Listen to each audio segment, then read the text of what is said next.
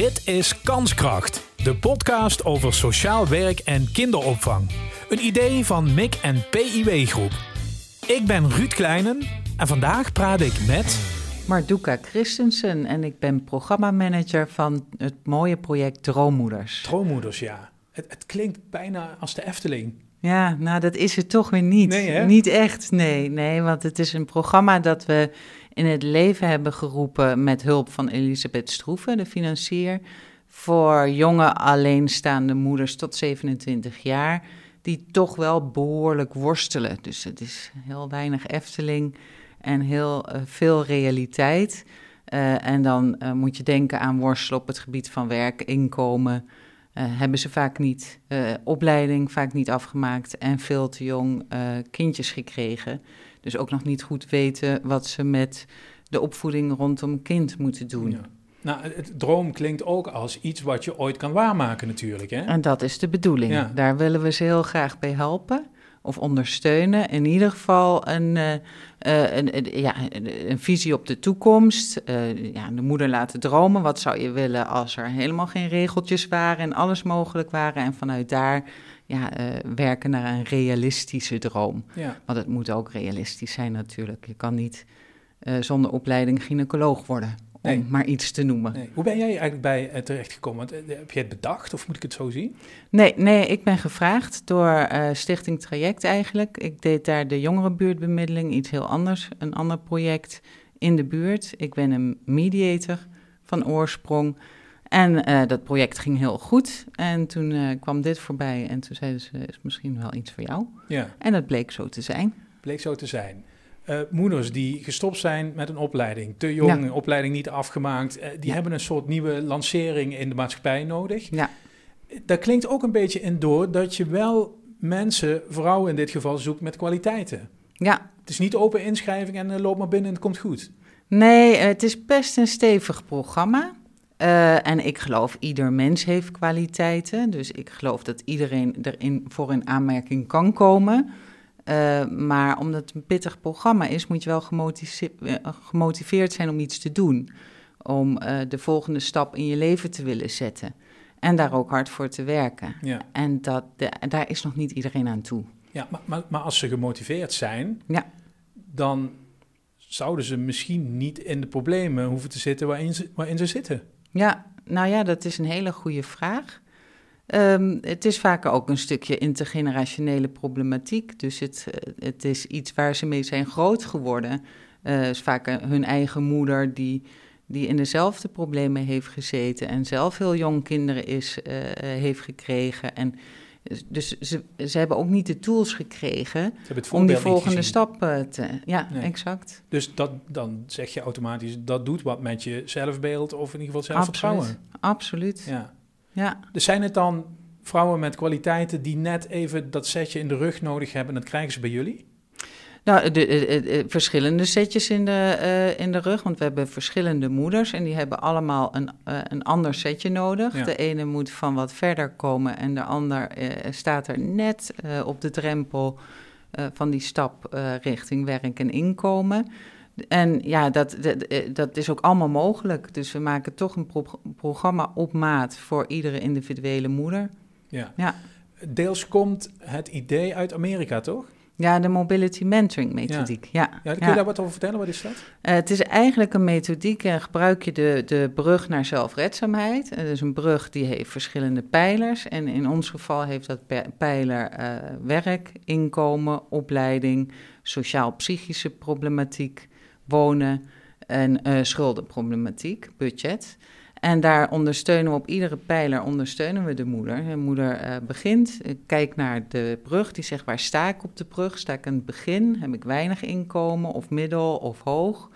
Eh, vult dat in en vult ook in waar ze naartoe zou willen op die pijler. En dan ga je ook de samenhang zien. Dus als je ja, slecht woont, kan dat ook komen doordat je weinig inkomen hebt. Dus als je gaat werken aan je inkomen, eh, kan je ook een betere woning eh, bekostigen. Dus dan ga je de samenhang zien en dan wordt het probleem ook iets minder complex. Ja, Waarom moet je di- dit uit Amerika halen? Want dit klinkt redelijk logisch. En, Ja. en als ik aan Amerika... Ja, ik werd een beetje bang van het woord, als in... daar is alle hulp juist heel erg teruggetrokken en moet je heel veel zelf. Maar dat is mijn beeld hoor. Ja. Is het hier ook? Nou, we- de, de, de- weet ik niet of dat zo is, maar het is wel een methodiek die uitgaat van eh, de persoon met eigen regie. Dus je helpt niet iemand eh, die midden in een kuil zit om uit die kuil te komen. Je gaat naast iemand staan in die kuil en kijkt naar boven van hoe zou ik je kunnen helpen om uit die kuil te komen. Hmm. En dat is wel, ja, zoals Amerikanen misschien eh, graag werken. En wat ook veel beter is, denk ik. Ik denk, gooi dat koord en trek iemand naar boven en hij valt er zo weer in. Maar als je samen met op zoek gaat naar een weg die bij de persoon past, ja, dan komt hij er ook daadwerkelijk uit. Ja. Eh, laten we even, als we dan eh, samen met een moeder op de brug staan. Mhm. eh, jullie pakken haar op omdat zij jullie heeft opgebeld of een formuliertje heeft ingevuld. Hoe, hoe, hoe Ja. gaat dat eerste contact? eh, hoe komt dat er? Het is toch vaak niet de moeder. Dat verbaasde mijzelf eigenlijk ook, die, die, die contact opneemt. Het gaat, verloopt toch via een, eh, een hulpverlener. Ja. Dus dan moet je denken aan iemand eh, eh, van de sociale dienst, een consulent of eh, sociaal werker of eh, sch- eh, schoolmaatschappelijk werk die doorverwijzingen doet.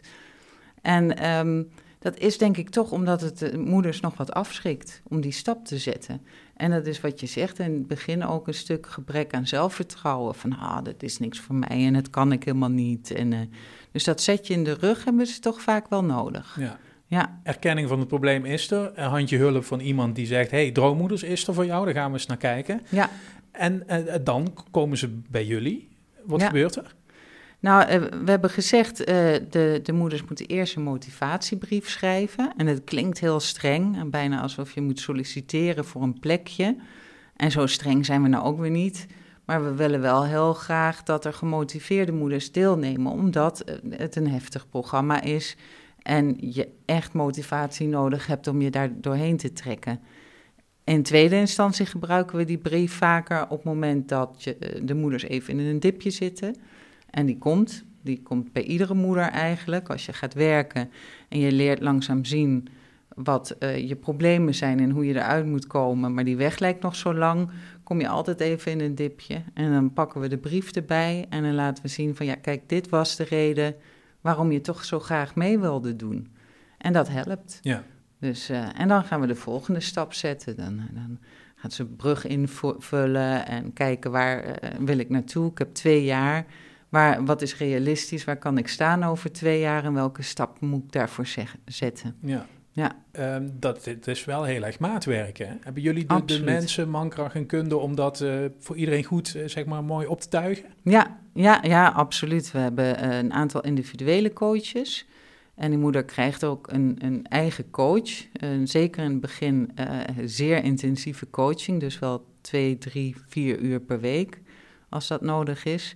Daarnaast is er een groepscoach. Dus komen alle moeders samen om ook daadwerkelijk aan de hand van dramatherapie te werken aan eh, ja, de, de- belemmerende factoren noemen we dat dan in, in de persoonlijkheid. Dus het overlevingsmechanisme die niet heel effectief is. En toch om dat anders te leren inzetten, spelenderwijs. Ja. Ze hebben een budgetcoach die ze helpt bij hun eh, budget. En daarnaast de persoonlijke consulent van de sociale dienst bij de gemeente die ze helpt bij werk en inkomen. En zo eh, hebben we het eh, cirkeltje mooi rond. Die kent die jungle een beetje, maar ik was benieuwd naar die persoonlijke coach. Ja, Zit ik dan aan de psychologische kant van het spectrum? Moet ik dat zo zien? Of? Het zijn toevallig nu twee coaches eh, van bureau jeugdzorg, maar dat zouden heel goed ook loopbaancoaches kunnen zijn. zolang het maar coaches zijn die kunnen naast iemand kunnen staan en ze kunnen helpen met het zetten van een volgende stap. En natuurlijk ook wel het netwerk om eh, hun heen hebben om te kunnen doorverwijzen daar waar nodig. Ja. Je zegt het is een, een, een pittig programma, hè? Ja. Ehm, eh, heb, heb je daar voorbeelden van? Hoe, omdat het confronterend is? Of hoe, moet ik dat zien? Ja, het is. Nou, we hebben vooral in de eerste groep, en daar hebben we ook alweer heel veel van geleerd. Want een van de belangrijkste voorwaarden voor ehm, het, eh, het, het slagen van dit programma is eigenlijk dat je schuldenvrij aan de start moet staan. Op het moment dat je ontzettend hoge schulden hebt, dan kan je gewoon geen volgende stap zetten. Ehm, dan ben je bezig met overleven op die eerste pijler van Maslow. eh, dan moet er brood op de plank komen en dan kan je niet aan je toekomst werken. Uh, we hebben daar heel erg toen mee ge, dat, dat gepromoot. Van nou, wij ondersteunen je, we, schuldenvrij aan de start. Dus we helpen je om de schulden af te lossen. Dat doen we ook daadwerkelijk.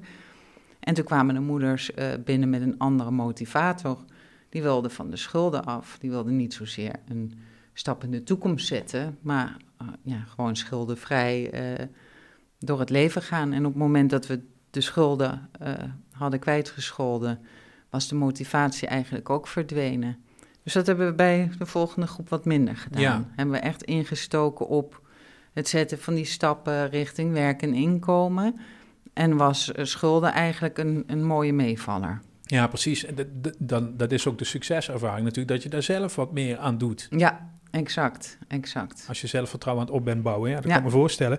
Ik heb nog uh, een term uh, hier omcirkeld, uh, te weten stressreductie. Ja. Ja. Mooi woord, hè? Ze komen gestrest binnen en die stress moet er een beetje vanaf. Ja. Om te presteren eigenlijk. Ja, ja en het, dat is dan een wetenschappelijk onderzoek geweest aan de Universiteit van Harvard. Hè, en dat is uh, ook waar de, de methodiek Mobility Mentoring dan op is gestoeld. Uh, als je brein onder constante stress uh, gebukt gaat, heeft dat impact op de executieve functies. Dus dat zijn de functies die ervoor zorgen dat je ook stappen kunt zetten richting toekomst plannen, organiseren. Uh, en, en, maar ook uh, ja, echt daadwerkelijk uh, dingen stapje voor stapje in de toekomst kunnen zien. In het perspectief, niet korte termijn, lange termijn. En op het moment dat je gestrest bent, kan dat niet. Staat dat hele proces onder druk. Men zegt ook wel vaker tegen mensen in armoede: ja, dan kopen ze wel een dure auto of een tv of een, een, een luxe horloge. Grote hond. En hoe kon je nou zo dom zijn? En van, je hebt geen geld en je...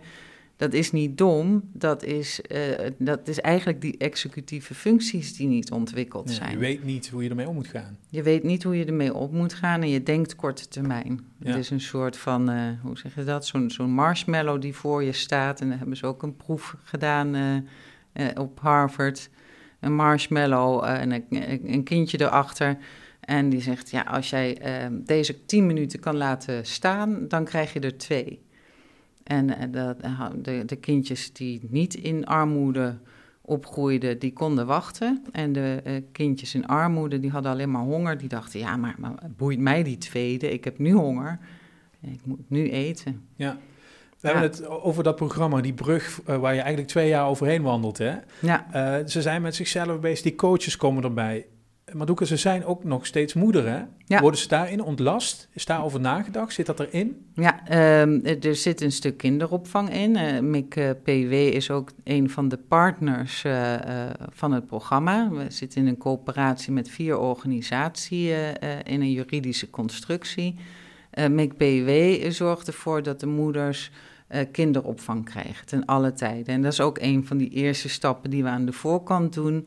Uh, schuldenvrij aan de start. En alle moeders die dat uh, willen, kinderopvang. Ja. ik zag trouwens, je hebt het over die partners. Daar zit Kredietbank Limburg ook bij. Die ik was wel benieuwd een beetje wat, wat zij betekenen. Nou, de, zij leveren sowieso de budgetcoach. Hè, dus het budget, de pijler uh, werk, inkomen, ja. financiën, die wordt volledig door hun ondersteund.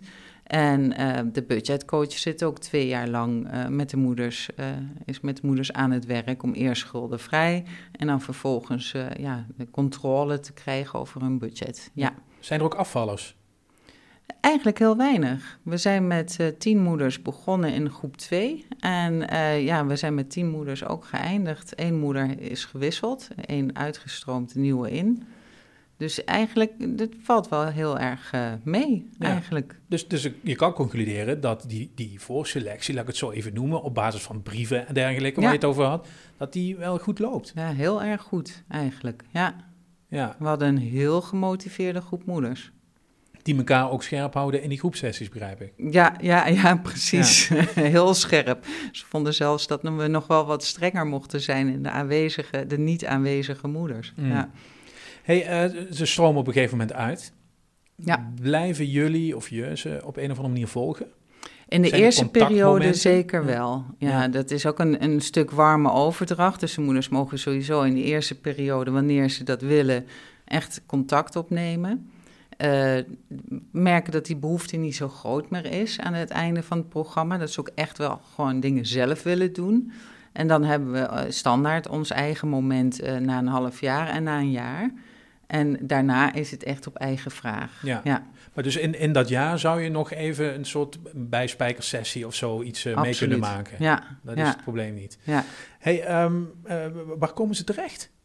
Nou, heel divers. Eigenlijk heel divers. Het is, het is zorg, is veel kinderopvang toch ook wel. Ja, ik denk vanwege de partner, dat ze zien hè, wat, wat, wat daar gebeurt en het graag ook, ook willen doen.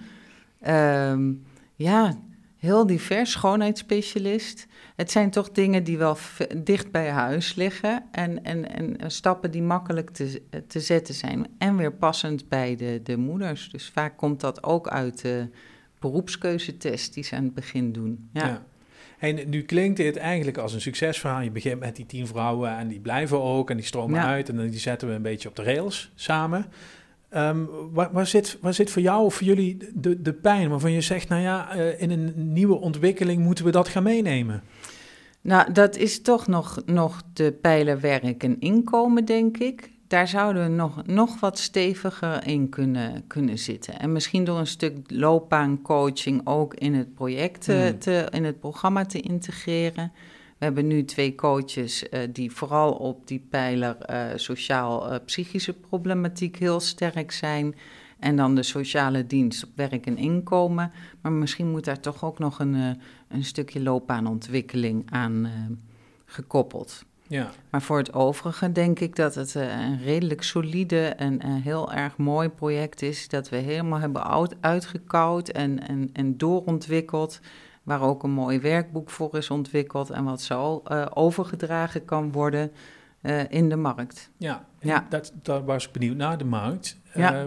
zijn er veel uitwisselingen? Heb je contact met mensen die benieuwd zijn van buitenaf? Nou, heel erg. En alleen moeten degenen die eh, ervoor wel betalen nog wel opstaan. Uh, maar daar wordt druk aan gewerkt.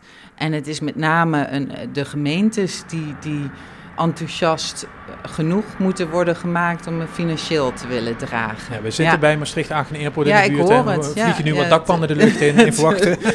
het gebouw stort net niet nee, in. Nee, zeker niet.